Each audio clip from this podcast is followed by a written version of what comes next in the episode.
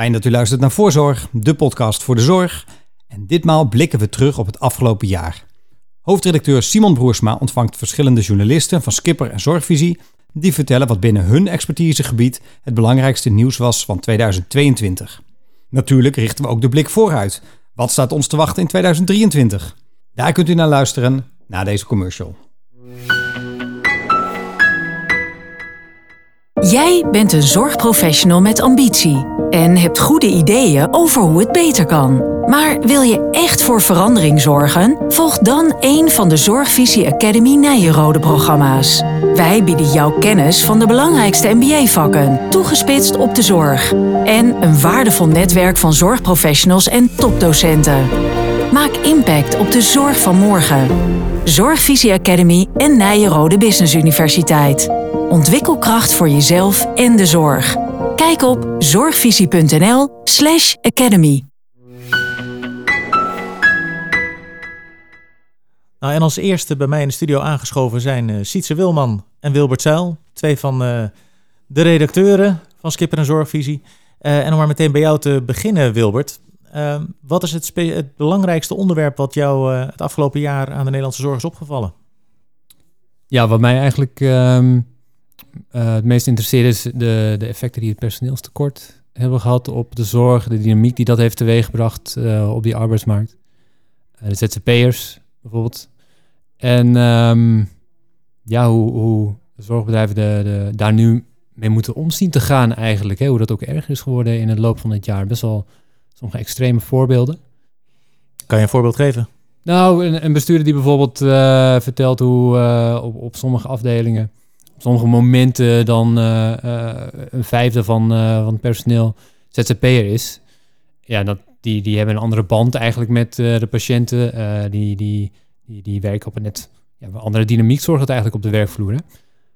Um, maar ook uh, de berichten die um, uh, van mijn collega Frits Waltz heeft gemaakt over uh, hoe, hoe personeelstekorten bij ziekenhuizen werken. Dat ze echt moeten afschalen.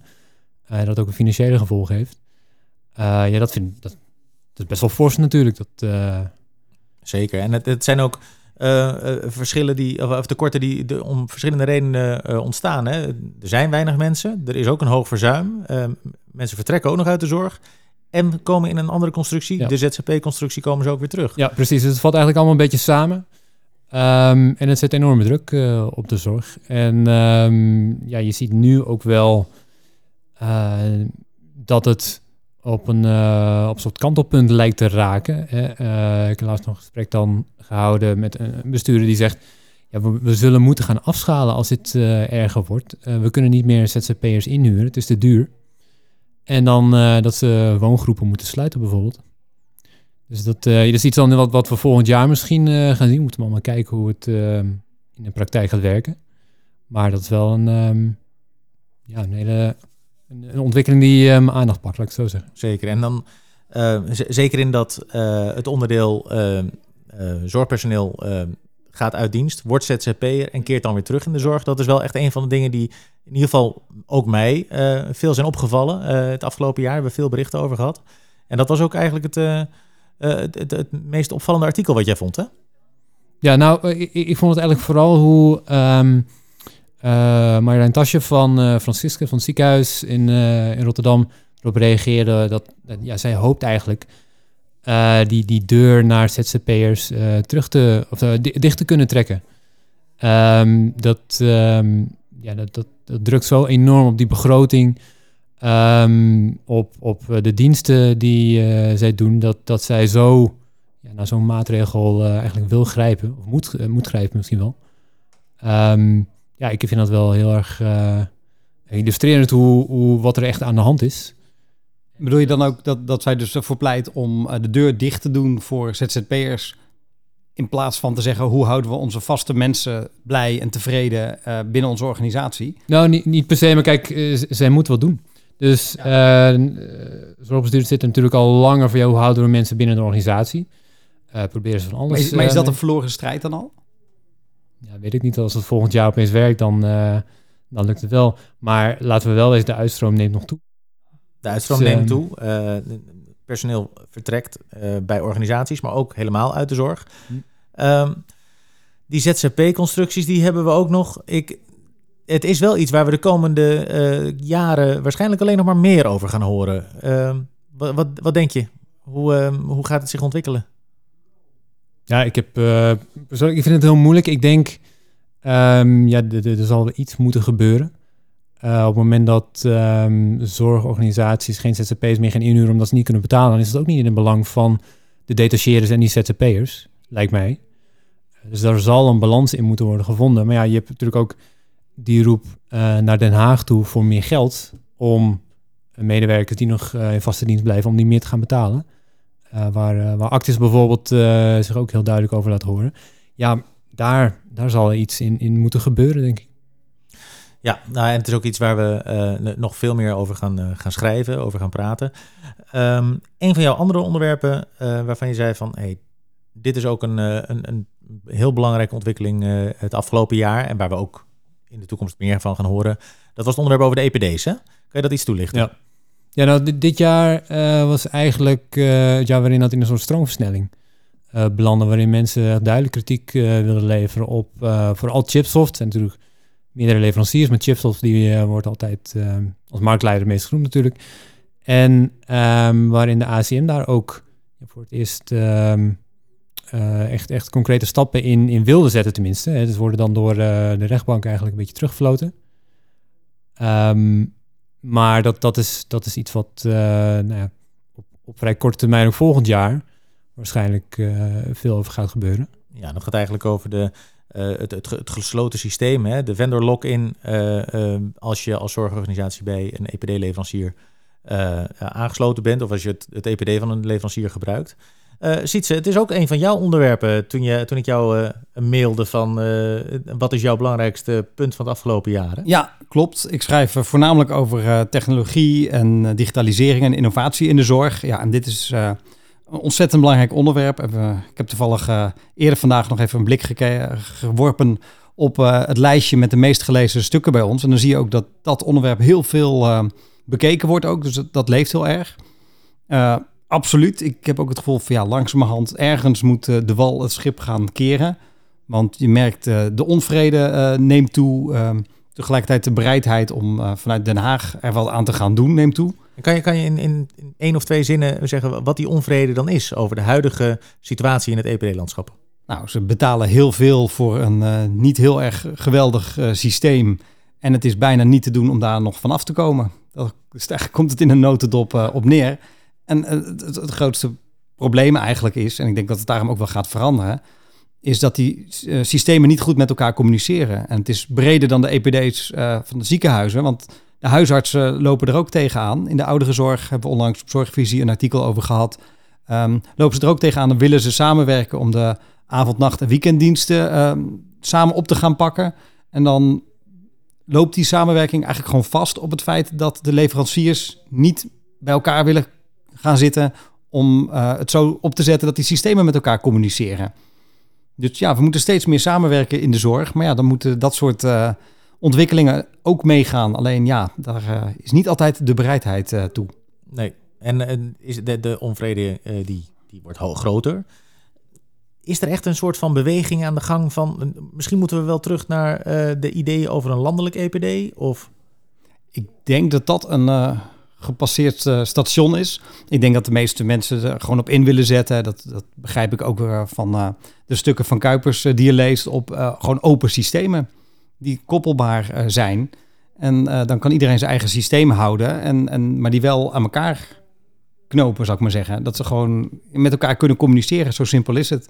Alleen ja, nogmaals, dan moeten de makers van die systemen, ja, die hebben daar vaak gewoon geen belang bij. Want die zeggen van ja, uh, prima, ik kan wel een koppeling maken, maar dan hangt er wel weer een prijskaartje aan. Is het een idee om dat uh, wettelijk te regelen? Nou ja, dat is dus interessant om uh, te gaan zien komend jaar. wat, wat gaat er aan gebeuren? Het is ook geen makkelijk onderwerp om even op te lossen. Um, ehm, VWS die zou hier ja, doorzettingsmacht in moeten gebruiken.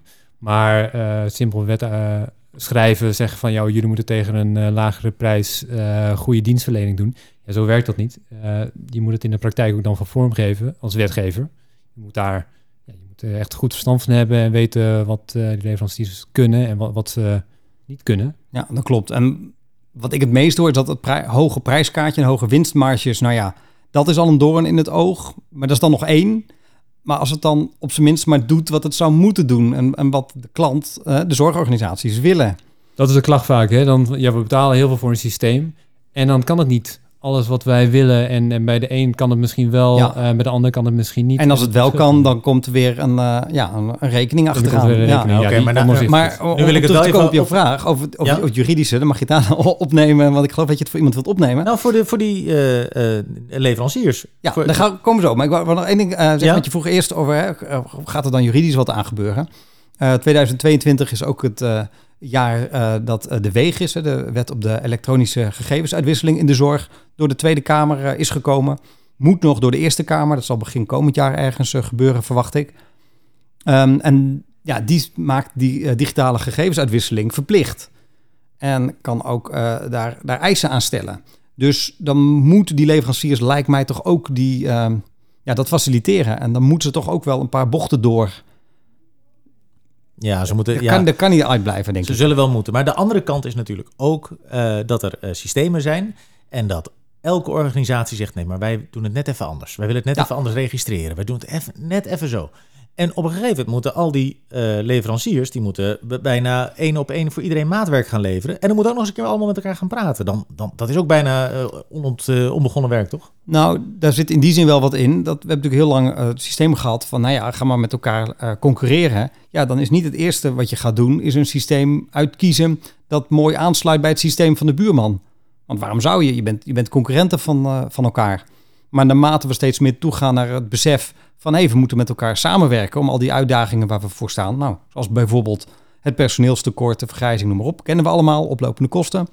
We moeten samenwerken. Ja, dat vereist gewoon echt een hele andere denkwijze. En dat stelt ook andere eisen aan zo'n systeem. Maar ja, dat ligt er allemaal al. En dat is niet gebaseerd op, eh, ja, zo handig mogelijk ehm, de buurman eh, helpen. Tenzij die toevallig in een netwerk met jou zit of in een samenwerkingsverband. Dat is natuurlijk weer een ander verhaal. Wie, eh, eh, wat, gaan we hier dan eh, komend jaar nog over horen? Gaan we, gaan we het komend jaar oplossen? Ik denk dat we van VWS gaan horen van hoe gaan we dit, welke kant gaan we op? Welke, welke richting gaan we op? Er komt een actieplan in het eerste kwartaal van Kuipers, over, specifiek over de EPD-markt. En daarin ehm, ja, krijgen dan te horen wat voor maatregelen ze, ze misschien willen nemen. Misschien ehm, is een, een gesprek met, met Chipsoft al genoeg van hey, eh, we willen dat er, dat er meer mogelijkheden komen.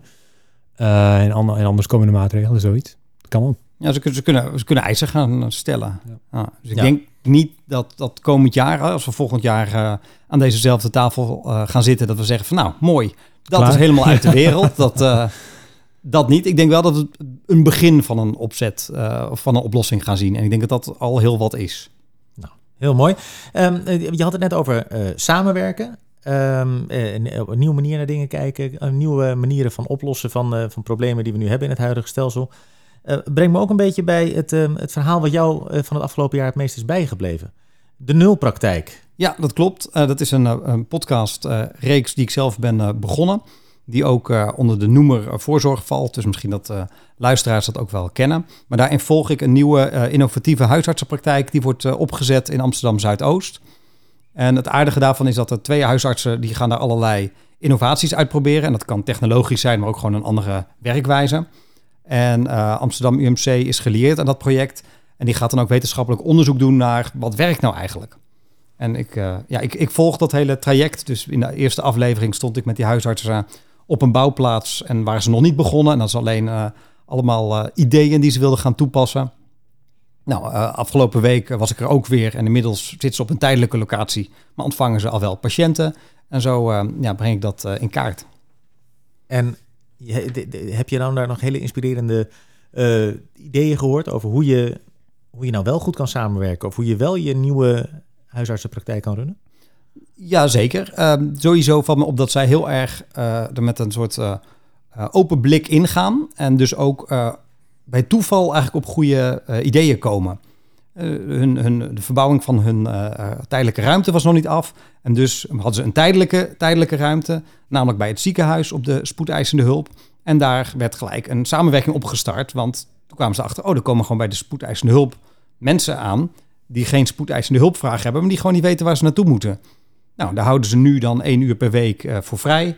En eh, ja, dan communiceren ze met elkaar, telefonisch, want die systemen die werken natuurlijk niet met elkaar, hebben we het al over gehad.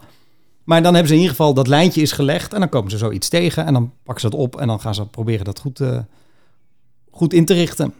En het leuke is ook dat ze ja, heel erg zijn van ja, we kijken naar wat er wel kan. En er zitten soms ICT-systemen tussen die niet doen wat wij willen. Of de bekostiging is ingewikkeld. Maar daardoor laten ze zich in ieder geval voorlopig niet uit het veld slaan. En zijn ze toch bezig om te kijken wat zij als uh, twee individuele huisartsen wel kunnen doen.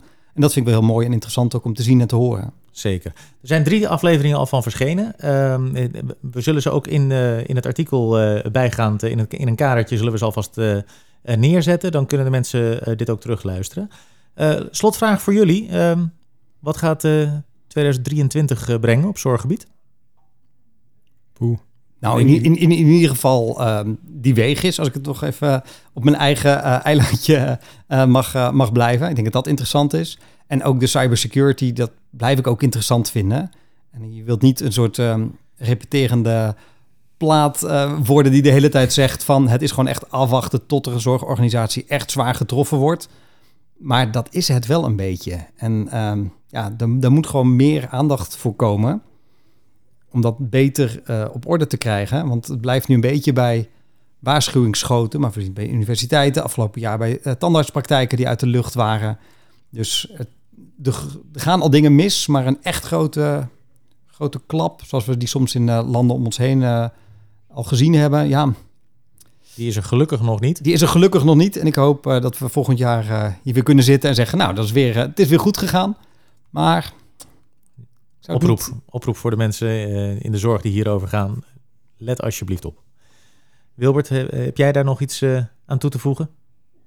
Ja, ik, ik vrees dat, um, waar we net ook over hadden, over die personeelstekorten, dat als dit uh, zo doorgaat, dat VVT-organisaties vooral, misschien ook wel gehandicapte organisaties, um, echt, echt moeten afschalen qua capaciteit. Echt breed woongroepen moeten sluiten en dat die wachtlijsten nog langer worden eigenlijk. Terwijl die nu al um, een beetje schrijnend aan het worden zijn. Dat echt mensen met zware problematiek nu al op een wachtlijst staan. Dus daar, daar vrees ik wel een beetje voor, voordat daar iets aan gebeurt, dat dat eerst moet, dat daar eerst, um, nee, dat, dat het heel schrijnend moet worden, laat ik het zo zeggen. Nou ja, we gaan het zien. Uh, in ieder geval, uh, dank voor jullie bijdrage en wij uh, gaan naar onze volgende redacteuren toe. Ja, nou doen ze de groeten. hey, bedankt. En na Sietse en Wilbert zijn bij mij aangeschoven redacteuren Suzanne Bremmers en Bart Kiers. Hartelijk welkom beiden. Dank je. Um, ja, we maken een rondje uh, aan het eind van het jaar. Uh, een soort jaaroverzicht. Uh, Suzanne, om bij jou te beginnen. Wat is jouw, um, ja, welke thema's in de zorg zijn jou het afgelopen jaar het meest opgevallen? Waar heb je je mee bezig gehouden? Ik denk de, de, de druk in de ouderenzorg. Het is, denk ik ja, echt nieuw hoe groot, uh, hoe hoog het zorgaanbod is voor, uh, voor zorgorganisaties in de VVT. Ze hebben echt gewoon dagelijks last om uh, moeite om de roosters vol te krijgen. En daardoor is er ja, een constante druk. Ja, ik denk dat dat natuurlijk nog wel even zo doorgaat. Ja, je, je, je hebt het over hoe hoog het, het zorgaanbod is. Dat is het aanbod van ouderen, uh, zorgbehoevenden, uh, ja, men, mensen die de zorg nodig hebben, ten opzichte van het aantal uh, mensen, het, het, personeel wat zorg kan leveren.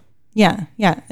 Vergrijzing is natuurlijk begonnen. Er is een wachtlijst voor de verpleeghuizen. En daarnaast nou ja, is het credo dat mensen zo lang mogelijk thuis blijven wonen. Um, maar die hebben ook wel zorg nodig. Dus ik heb bijvoorbeeld veel geschreven over het volledige pakket thuis. Dat is dan een manier van zorgaanbieders om in te spelen op dat steeds meer mensen thuis blijven wonen en toch ook zorg nodig hebben. Ja, en, en in zo'n uh, zo'n markt waar veel spanning is tussen vraag en aanbod, hè, aan de ene kant personeel, aan de andere kant de mensen met een zorgvraag, uh, daar zie je ook uh, altijd ontwikkelingen. Hè? Dus je zie je altijd mensen die hun, hun kans zien om, om daar op een andere manier mee om te gaan. onder andere uh, een hele hoge uh, groep ZZP'ers in de zorg. Uh, dat wordt steeds meer. Wat, wat zie jij daar gebeuren?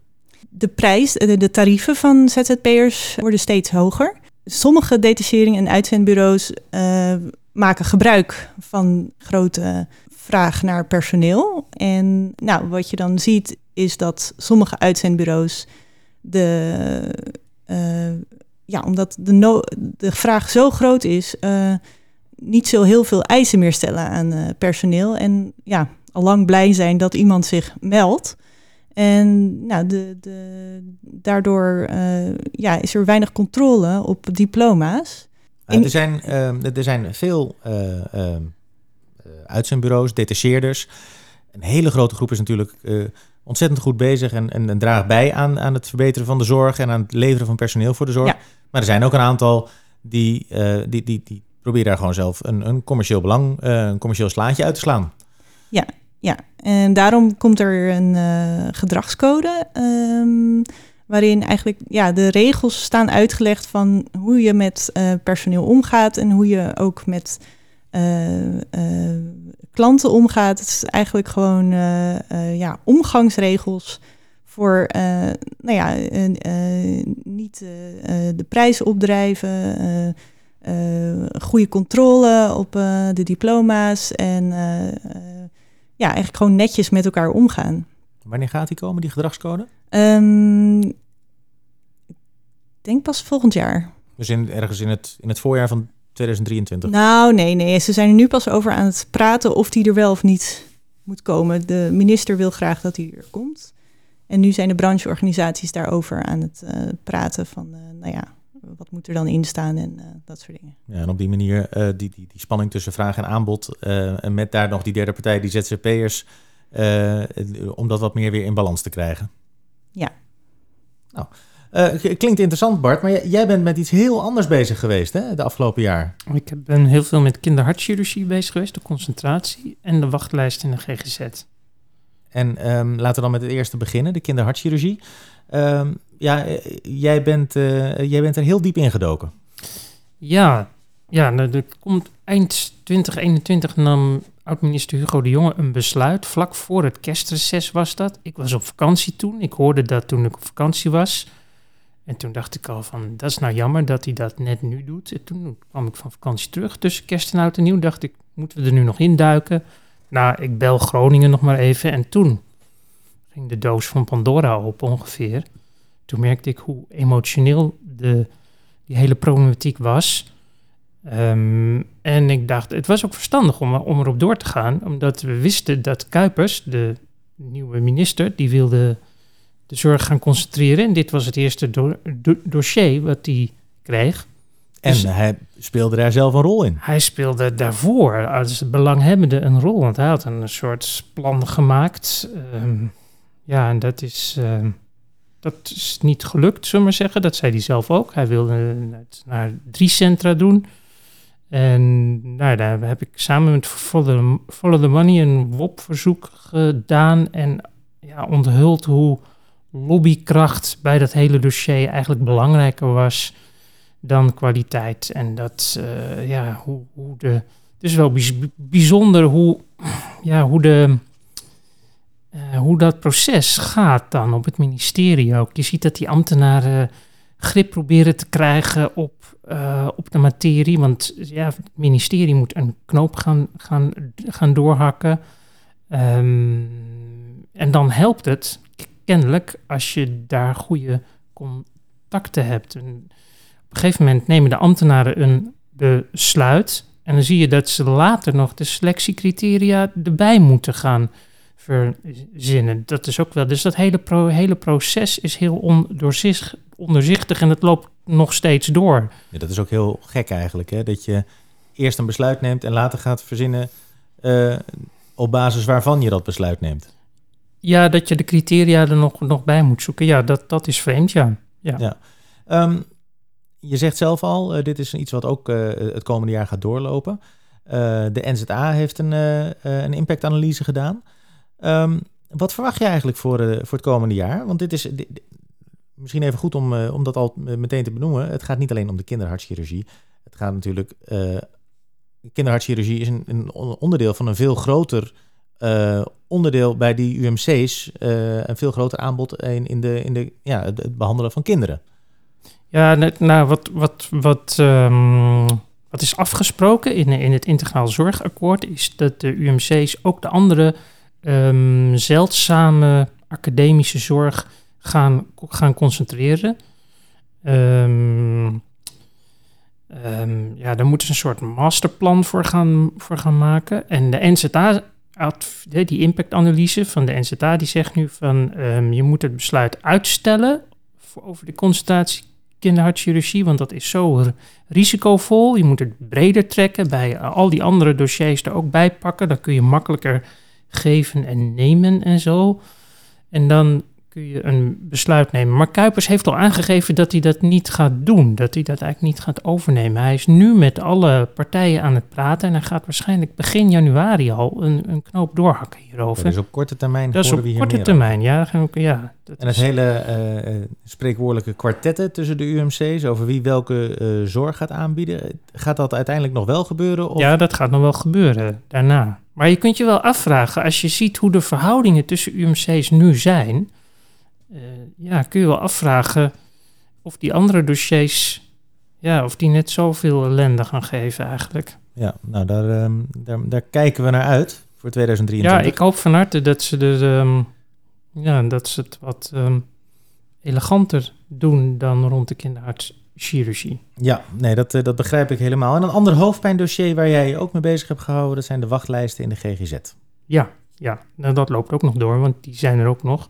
Ja, wat daarbij opvalt is dat ja, die hele zorgplicht die er is, of de zorginkoopplicht die zorgverzekeraars he- he- hebben, dat dat toch eigenlijk ja, een wassen neus is eigenlijk. Want, want je betaalt als, als verzekerde, be- betaal je premie, maar je belandt op een wachtlijst die vaak ve- veel, veel langer is dan de afge- afgesproken treeknorm. En dat is al 14 weken. Dan moeten mensen die in, dus in geestelijke nood zijn al, al 14 weken wachten. En in werkelijkheid wachten ze dus vaak langer. De helft wacht gewoon langer. En wat je daar ziet is dat, ehm, ja, de, met name wat mij opvalt, is dat de NZA als toezichthouder de zorgverzekeraars alleen maar aanspreekt, bemoedigend aanspreekt, soms vermanend toespreekt, maar niet met straffen komt. Dus eigenlijk een soort scheidsrechter die de gele en rode kaarten op zak houdt, terwijl de, de spelers hele grove overtredingen maken. En dat, dat de WK-finale. Eh, ja, die spelers die kijken ook hoe ver ze kunnen gaan. En als jij als, als zorgverzekeraar je als enige aan, de regeltjes houdt, dus netjes die zorgplicht nakomt en voldoende GGZ gaat inkopen, dan prijs je jezelf uit de markt. Dus je kunt ook niet van verzekeraars verwachten dat zij dat in, in, één, keer, in één keer goed doen. Het is echt de, de zorgautoriteit die daar moet optreden en dat om een of andere reden niet, niet doet. Nee, Is er niet ook een, ehm, een parallel te trekken met eh, eh, wat Suzanne net vertelde over de...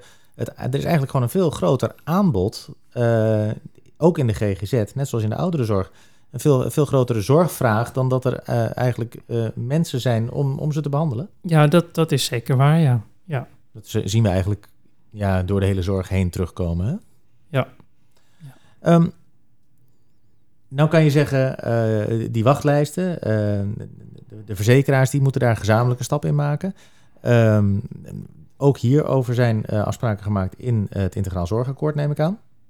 Ja, Eh, ja, dat zijn hele mooie afspraken met een wachttijd van maximaal vijf weken. Zo. Nou, dat is, dat Hoe- is hoe je het wil hebben. hoe gaan we dat halen?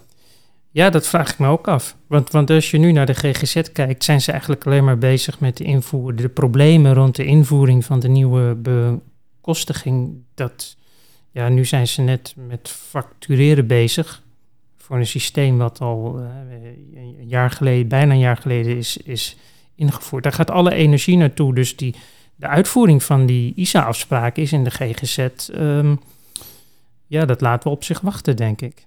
Nou, dat is eh, nog voldoende voer om ook volgend jaar weer eh, flink over te schrijven en over te berichten en onze, onze lezers en luisteraars van op de hoogte te stellen. Suzanne, als je nou, eh, nou terugkijkt op, eh, op al die artikelen die je afgelopen jaar geschreven hebt, hè, welke, welke springt er dan echt voor jou uit? Wel, wat is eentje waarvan je zegt van, oh, daar heb ik, eh, dat was een mooi, mooi stuk om te schrijven. Ehm, ik denk dat het artikel, het interview was met Benjamin Martens van Libertas Leiden. Ehm, hij heeft als, voor zover ik weet, als enige en eerste de achterdeur voor ZZP'ers dichtgetrokken. Um, om, vanwege, hij wilde de financiering op orde brengen uh, van zijn uh, VVT-organisatie. En um, hij wilde meer met vaste gezichten werken. Um, en nou, hij wilde ook zijn eigen mensen beter belonen. en nou, uiteindelijk heeft hij besloten van we stoppen er gewoon mee. En dat is natuurlijk wel een hele ja, we stoppen. moedige. Uh, ja, we, we, stoppen met de ZZP'ers. Met de ZZP'ers, ja. niet met zorgverleners. Nee, nee, zeker nee. niet. Nee, nee. Dus we, uh, dat vond ik wel een hele moedige stap. Mhm. En volgens mij ook een stap die wel uh, in ieder geval weerklank heeft gekregen bij, bij, de, bij andere organisaties. Misschien gaan die nog niet zo ver, maar het is wel een, een geluid wat je steeds sterker hoort, hè? Ja, ja hij heeft ook zelf heel veel informatieverzoeken gekregen van andere organisaties, ook uit de gehandicaptenzorg. Um, uh, en ja, ik hoor ook dat mensen het echt moedig van hem vinden. En uh, nou, misschien kun je het ook wel alleen doen als je zelf echt een hele goede binding hebt met, met de werkvloer. Hij is zelf ook uh, verpleegkundige. Um, en, en, en hij heeft in de eerste periode ook echt zelf mee moeten helpen, twee dagen per week, om uh, om, de, om de zorg draaiende te houden. Uh, want ja, je hebt natuurlijk wel minder uh, personeel ineens. Zeker. Nou, en, en ik hoor je zowel over de thematiek, over het personeel, ook over ZZP-constructies. En nu ook dit verhaal, ook weer over, over je personeel. Dit is volgens mij ook wat jij in 2023 als belangrijk onderwerp ziet. Ja, omdat het ook uh, een belangrijk onderwerp blijft, uh, gaan we ook een uh, speciale nieuwsbrief over personeel maken. ja, omdat er toch wel hele belangrijke dingen gaan gebeuren. En nou, ook gewoon om inzichten te geven van ook hoe je op nieuwe manieren aan personeel kunt komen. Ja, nou ja, en, en het is een personeel in de breedste zin van het woord. Hè. Het gaat van uh, vitaliteit onder je personeel, uh, uh, opleiden, maar ook inderdaad, hoe, hoe, hoe, krijg je nieuw personeel binnen? van alles en nog wat zal erin in te, in te lezen zijn. De, die, ja, die nieuwsbrief die gaat in, al in de eerste weken van het nieuwjaar waarschijnlijk starten. Dus dat is heel mooi. Ja. Bart, nog een laatste idee. 2023, wat gaat het voor ons brengen? Um, nou, als het om de ouderenzorg gaat, als het om de ouderenzorg gaat, verwacht ik dat, um, um, dat ook de herziening van het kwaliteitskader, dat dat wel aandacht zal trekken. Omdat daar die bezettingsnorm, die gaan ze loslaten. Dat zal niet zonder slag of stoot gaan, heeft ook weer met personeel te maken natuurlijk. Als je een bezettingsnorm hebt van twee op een groep en je hebt het personeel niet, ja, dan, dan kun je afvragen wat zo'n bezettingsnorm waard is. Aan de andere kant, als je zegt dat zo'n bezettingsnorm kwalitatief nodig is, ja, dan wat betekent dan voor de kwaliteit als je dat gaat loslaten? Goed, dat, uh, daar zullen we veel over horen. En als het om de cure gaat, dan gaat het over de, de ja, de concentratie hè, van de academische zorg, van de acute zorg uh, en passende zorg. Daar gaan we ook nog veel over hebben. Passende zorg is het, uh, het toverwoord van 2023. Passende zorg. Dat past iedereen. Dank jullie wel. We gaan naar de volgende. Dankjewel. Ja, bedankt. En het uh, derde koppel dat uh, bij mij aan tafel uh, in de podcaststudio is aangeschoven, dat zijn Laura van Elst, redacteur bij Skipper en Zorgvisie, en adjunct hoofdredacteur Samira Ali. Welkom beiden. Dankjewel. Zitten we weer, hè? Het is weer een, een, een, jaar verder en we kijken weer terug op het, op het jaar. Um, Laura, je, je, zegt het al, daar zitten we weer. We zaten hier een jaar geleden ook. Uh, en, en, toen was het thema waar jij het over wilde hebben, was duurzaamheid. Ja. En nu weer? Weer, ja. Er is van alles aan bod gekomen dit jaar. Van kunst tot tech, tot toekomstbestendige ouderenzorg. Maar duurzaamheid was wel het grote thema ja, waar ik over schreef. En um, waarom is dit thema zo belangrijk ook in de zorg? Ja, net als veel andere uh, sectoren is de zorg een groot gebruiker, een vervuiler. Kijk maar alleen naar de OK's. Ehm, dus ja, er is ook een hele grote noodzaak voor de zorg om te verduurzamen. Ja, en ehm, vorig jaar hadden we, hadden we het over duurzaamheid, dat er goede stappen, grote stappen waren gemaakt. Eh, een- er is een Green Deal, duurzame zorg. Ehm, is er wat, eh, wat van alle goede voornemens terechtgekomen het afgelopen jaar? Ik heb dit jaar heel veel inspirerende personen gesproken die keihard werken aan duurzaamheid. Ook organisaties die stappen maken. Ehm, veel events ook bijgewoond. Zelf ook podcasts gemaakt. Maar ik ben toch wel een beetje teleurgesteld. Want vorige keer zei ik over 2022... Nou, ik hoop echt dat de zorg gaat opschakelen. Dat die versnelling er komt. Eh, de versnelling gemaakt wordt. Maar ja, toch zie je toch ook wel negatieve signalen. Hè? Je ziet dat VWS weinig toezeggingen doet. Duurzaamheid ontbrak aanvankelijk zelfs in het integrale zorgakkoord. En eh, ja, nu hoor je toch ook geluiden dat sommige partijen de Green Deal 3.0, de nieuwe Green Deal, niet willen tekenen. En eh, we hebben het al jaren over 7% ehm ja, CO2-footprint van de zorg. Ehm, maar ja, we hebben niet echt per se een zicht van in hoeverre staan we nu dan. Ja, dus eh, eigenlijk de, de, het totaalbeeld eh, dat mist. Ja, Eh, we weten niet hoe we, hoe we of- dan weet je ook niet of, of maatregelen helpen of niet. Ehm, is het ook zo dat, dat in de zorg op het ogenblik zoveel andere zaken prioriteit hebben dat duurzaamheid, ja, dat is heel leuk, maar als je je personeel niet op orde hebt, als je, je, je jaarrekening niet op orde hebt en als de kwaliteit van zorg niet op orde is, ja, waarom moet je dan ook nog bezig gaan houden met duurzaamheid? Klopt, ja, dat hoor je inderdaad. Hè, dat er echt ontzettend veel druk is. De coronazorg achter de rug. eh personeelstekorten. Die energiekosten die nu zo gigantisch eh, de pan uitreizen. Maar toch is duurzaamheid gewoon... eh, Het is echt een must. Zoals Bertine Lahuis ook zei. Het is duurzaamheid, duurzaamheid en duurzaamheid. En je hoort ook veel geluiden van... eigenlijk moet duurzaamheid naast kwaliteit en financiën... gewoon een vaste pijler worden. Dus ja, het is inderdaad heel erg uitdagend. Maar de noodzaak is enorm. Want wat heb je aan genoeg personeel in de toekomst als de aarde verwoest is? Het was natuurlijk niet het enige waar je je mee bezig hield. Ehm, je, bent ook, eh, eh, je hebt ook een verhaal geschreven eh, over de mentale gezondheidscentra. Ja, Over eigenlijk passende GGZ. klopt. Ja, als je het hebt over de categorie veelbelovend, dan popt eh, GGZ Breburg gelijk eh, op. Eh, daar kregen ze geen grip op de wachtlijsten. En daarna zeiden ze ook dat de manier van toeleiden op dat moment helemaal niet paste bij hun vernieuwde visie rond herstelgerichtheid en positieve gezondheid. Dus ze hebben eigenlijk de boel helemaal op de schop gegooid. en met de komst van mentale gezondheidscentra. Ehm, daar zijn dus geen reguliere intakes meer hè, met een, eh, een professional die vanuit zijn GGZ-bril, GGZ-koker kijkt. Eh, en geen lange wachtlijsten meer, maar je wordt binnen vijf werkdagen geholpen voor een eerste verkennend gesprek. En tijdens die gesprekken, dat verkennende gesprek, wordt niet vanuit die GGZ-koker gekeken naar de klachten, maar eerder juist naar het probleem. Ehm, en daardoor ziet ook de professional bij GGZ Breburg ook daadwerkelijk waar iemand bij gebaat is. Hè? Het hoeft namelijk niet altijd eh, eh, GGZ-hulp te zijn. Maar er wordt ook gekeken van ja, misschien op het gebied van welzijn of ja, het sociaal domein. Bijvoorbeeld hulp rond eh, financiële problemen of huisvesting. En de eerste resultaten zijn heel belovend. 25% blijkt volgens onderzoek niet gebaat bij GGZ-hulp, maar juist bij andere hulp. En ehm, GGZ Breburg, eh, dit is een heel mooi voorbeeld. Het is van één organisatie natuurlijk. Ja. Het- we zitten natuurlijk met hele lange wachtlijsten in de zorg. Hè. Bart, eh, Bart Kiers die vertelde er eh, zojuist al over. Ehm, is dit dan een, een, een nieuwe benadering om ook die wachtlijsten aan te pakken? Ja, zeker. Dus op deze manier proberen zij echt de wachtlijstproblematiek aan te vliegen. Ehm, en inmiddels hebben ze nu vijf centra geopend. Ze willen naar negen toe. En daarmee kunnen ze 1 miljoen inwoners eh, helpen. En eh, CZ zag er wel brood in. Althans, die ziet het concept wel zitten. Ze zijn een duurzame alliantie ook met elkaar aangegaan. En eh, ze hebben nu ook vier, jaar financiering afgesproken. Waarbij het niet P maal Q is. Maar ze werken dus eh, met een omzetplafond.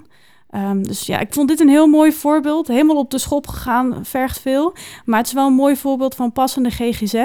En eh, ook een mooi voorbeeld van co-creatie tussen zorgverzekeraar en tussen zorgaanbieder. Zeker, ja, waar, waar je traditioneel toch de, de, de zorgverzekeraar en de aanbieder tegenover elkaar hebt zitten, is dit echt iets wat ze samen aan het doen Ja, zijn. als één blok trekken ze op inderdaad. Heel mooi. Ehm, en, en ik hoop eigenlijk dat als we hier over een jaar weer met elkaar zitten, eh, dat dit dan eh, brede navolging heeft gehad. En dat die wachtlijsten waar, waar Bart het dus net over heeft gehad, dat die misschien ook wel hierdoor een stukje minder zijn geworden. Ja, nou, het is ook opgenomen in het integrale zorgakkoord als mooi voorbeeld. Dus wie weet, uh, ja, goed voorbeeld doet volgen. Nou, dat, uh, dat gaan we zien. Jouw, jouw laatste onderwerp uh, was ook een, een, een, positief punt, zei je al in de ja. voorbespreking. Emancipatie in de zorg. Ja, een van mijn favoriete thema's. Nee, ja. Um, ja, persoonlijk vond ik dat wel een heel leuk thema. Even een positieve noot.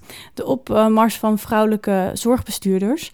Um, ja, dit voorjaar kwam onderzoek uh, van Erasmus Centrum voor Zorgbestuur uit, waarin blijkt dat de huidige zorgbestuurder nu vrouw is, 54 procent, um, tegenover 11 procent in 2000. Dus dat is een gigantische stijging. Ja, in lijn daarmee sprak ik ook met Anita Wiedoot. Zij is uh, bestuurder van Elisabeth II Steden ziekenhuis en zij heeft recent het boek Mevrouw de Bestuurder geschreven. Um, waarin zij twintig zorgbestuurders spreekt, waaronder baanbrekers van het eerste uur. En ja, in haar boek beschrijft Wiedoot um, ja, de wending die vrouwelijke bestuurders de zorg hebben gegeven. Een paar voorbeelden, veel meer focus uh, op inhoud en grensoverstijgende samenwerking... in plaats van elkaar beconcurreren en uh, ja, ook besturen in teams. En uh, ja, met deze man-vrouw-verdeling, ja, dat is ook een goed voorbeeld voor andere uh, sectoren, voor het bedrijfsleven. Dus ja, dat vond ik wel een mooi schouderklopje voor de zorg. Zeker weten. En um, nou, die, die man-vrouw-verdeling, uh, je zei 54 procent, ja. uh, de, die halen we ook al bijna in de Skipper 99, waar jij druk mee bezig bent geweest, Samira, de afgelopen maanden in ieder geval. Um, hoe, hoe, als je dat zo hoort, 54 procent? Klopt. Uh, in de Skipper 99 zitten we inmiddels op uh, uh, 42 procent vrouwen. En dat laat zien dat vrouwen niet alleen steeds vaker op topposities in die gezondheidszorg komen, maar ook vaker op posities zitten waar ze invloed kunnen uitoefenen op de omgeving om hun heen. Kleine kanttekening. Ik, jij noemde het, uh, het onderzoek uh, van het Erasmus Centrum voor Zorgbestuur. Ik sprak in het kader van mijn onderzoek voor de Skipper 99 ook met Wilma van der Scheer, een van de auteurs van dat onderzoek. En die zei: um, Er is niet zoveel reden om te juichen eigenlijk. Want het is nog maar de vraag of vrouwen de afgelopen tijd hun doorbraak hebben gekend, hun opmars hebben gemaakt, uh, dankzij beleid of acties of uh, nou ja, wat we er allemaal van vinden. Uh, of juist ondanks het feit dat er geen beleid was. het is niet zonder slag of stoot gegaan. Er is, ja, er is heel erg hard voor gewerkt, vooral door de vrouwen zelf natuurlijk. Maar we moeten ook niet eh, hoe zeg je dat, achteroverleunen en denken dat, dat het nu allemaal gedaan is. er is ook nog heel veel werk te doen. Als je kijkt naar het zorgbestuur en de Skipper 99, dan zijn die bijvoorbeeld cultureel helemaal niet divers. En dat is op dit moment misschien niet een, een probleem. Of je zou dat kunnen duiden en uitleggen waardoor dat zo komt. Uh, maar voor de toekomst kan dat wel een heel groot probleem gaan worden. Want als je nu kijkt, dan hebben we weer geen beleid. Er wordt weer geen actie opgevoerd om zorgorganisaties, zorgbesturen, top van de zorg diverser te maken. we laten het gewoon weer gebeuren. En hoe is dat in de, in de, in de vertegenwoordiging van uh, de, de, vrouwen in de raad van bestuur uh, in, in 20 jaar dus wel echt veel, veel beter geworden. Veel meer gelijk eigenlijk. als je naar de mensen die in de, in de zorg werken kijkt, naar die, de verhouding tussen man en vrouw, zou het misschien nog meer moeten zijn. Maar dit is echt al, als je naar andere delen kijkt, heel goed. Maar die diversiteit in, in culturele achtergrond, daar is meer voor nodig. Als je nu kijkt naar de Nederlandse samenleving, dan zie je dat een kwart van de mensen, uh, wat, wat tegenwoordig een migratieachtergrond uh, wordt genoemd, heeft. Als jij straks een, een, een, beroep wil doen op de toekomstige arbeidsmarkt en je hebt nu al een probleem met uitsluiting van bepaalde groepen mensen, dan wordt dat in de toekomst natuurlijk een veel groter probleem. Je ziet nu al dat co-assistenten van kleur minder kansen krijgen dan hun witte collega's, om het zo maar even te zeggen. Je ziet dat uh, uh, in de ouderenzorg, in de gehandicaptenzorg, mensen de sector verlaten omdat ze racisme, discriminatie en heel veel andere vormen van uitsluiting ervaren. Je laat als sector heel veel talent links liggen. En dat is talent die we zeker nodig hebben. Ja, dus je hebt nu al schaarste op de arbeidsmarkt, gecombineerd met uitsluiting, uh, gaat het gewoon niet de goede kant op. Niet voor de, de, de werkvloer, maar zeker ook niet voor de top van je organisatie in de toekomst. Uh, Wilma van der Scheer zei ook, er is zoveel bewijs dat een diversere organisatie beter functioneert, dat een diversere top betere keuzes kan maken. Maar we doen er niks mee. Nou, dus ik denk dat dat een hele belangrijke kanttekening is. Uh, wat niet wegneemt dat de man-vrouw verhouding wel heel erg. Uh, in de raden van bestuur is. wel, ja. Maar inderdaad, die kanttekening, helemaal terecht wat je zegt. Toen ik Wilma van der Scheer sprak ook, zij zei ja, 80% van de zorgmedewerkers is vrouw. Dus die 54% in de raden van bestuur is nog steeds inderdaad geen geba gebalanceerde uh, afspiegeling. Maar ook in dit geval zijn er goede voorbeelden te noemen. Hè? Ik sprak met Joke Boonstra van het Erasmus MC. waar ze al jaren wel bezig zijn met een diversiteitsbeleid logisch ook natuurlijk. Rotterdam is een super diverse stad waar je zorg moet leveren aan een enorm diverse populatie en waar je ook uh, nou ja, op je werkvloer diversiteit nodig hebt. Uh, daar hebben ze bijvoorbeeld uh, ook een soort van raad samengesteld van collega's van alle, alle afdelingen van het ziekenhuis.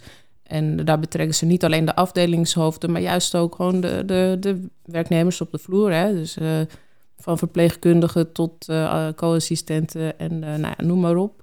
Ehm, en zo zijn er ook andere voorbeelden. Volgens mij ook in het Amsterdam UMC hebben ze ook allerlei coachingstrajecten. En, dus toevallig ook um, bij het Elisabeth II Steden ziekenhuis, waar Anita Widoot zelf bestuurder is, ehm, gaan ze ook in gesprek met zorgprofessionals en patiënten als zich iets voordoet uh, dat is waar het eigenlijk op, om gaat. Hè? Dat, uh, er is een moment dat er uitsluiting wordt gevoeld, of racisme of discriminatie. En het is zo belangrijk dat je daarover durft te praten.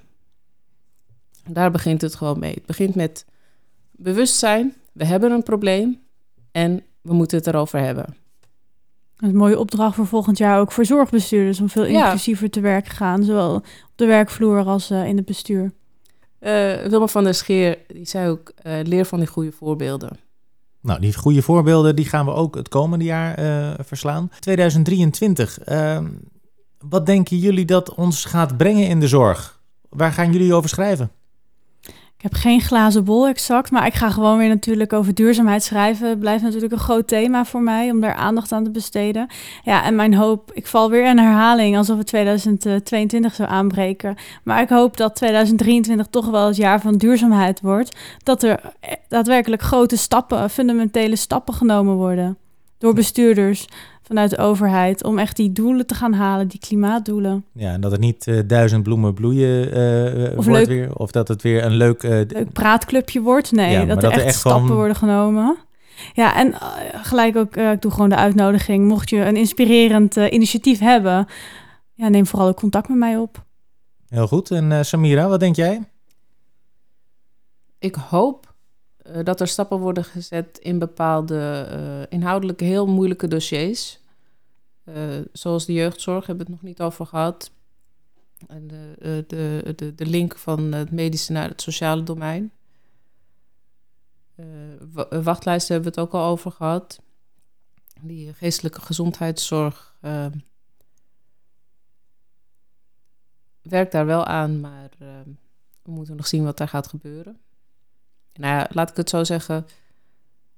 Ik hoop voor iedereen dat er knopen worden doorgehakt. Knopen doorhakken. Ook op het gebied van duurzaamheid. En daarmee eindigt de laatste podcast van dit jaar. Volgend jaar komen we natuurlijk terug met nieuwe afleveringen. Om er zeker van te zijn dat u die niet hoeft te missen, kunt u zich abonneren in de podcast-app van uw keuze. Tot slot wens ik u namens de hele redactie van Skipper en Zorgvisie een gezond en gelukkig nieuwjaar toe. Bedankt voor het luisteren en heel graag tot de volgende voorzorg.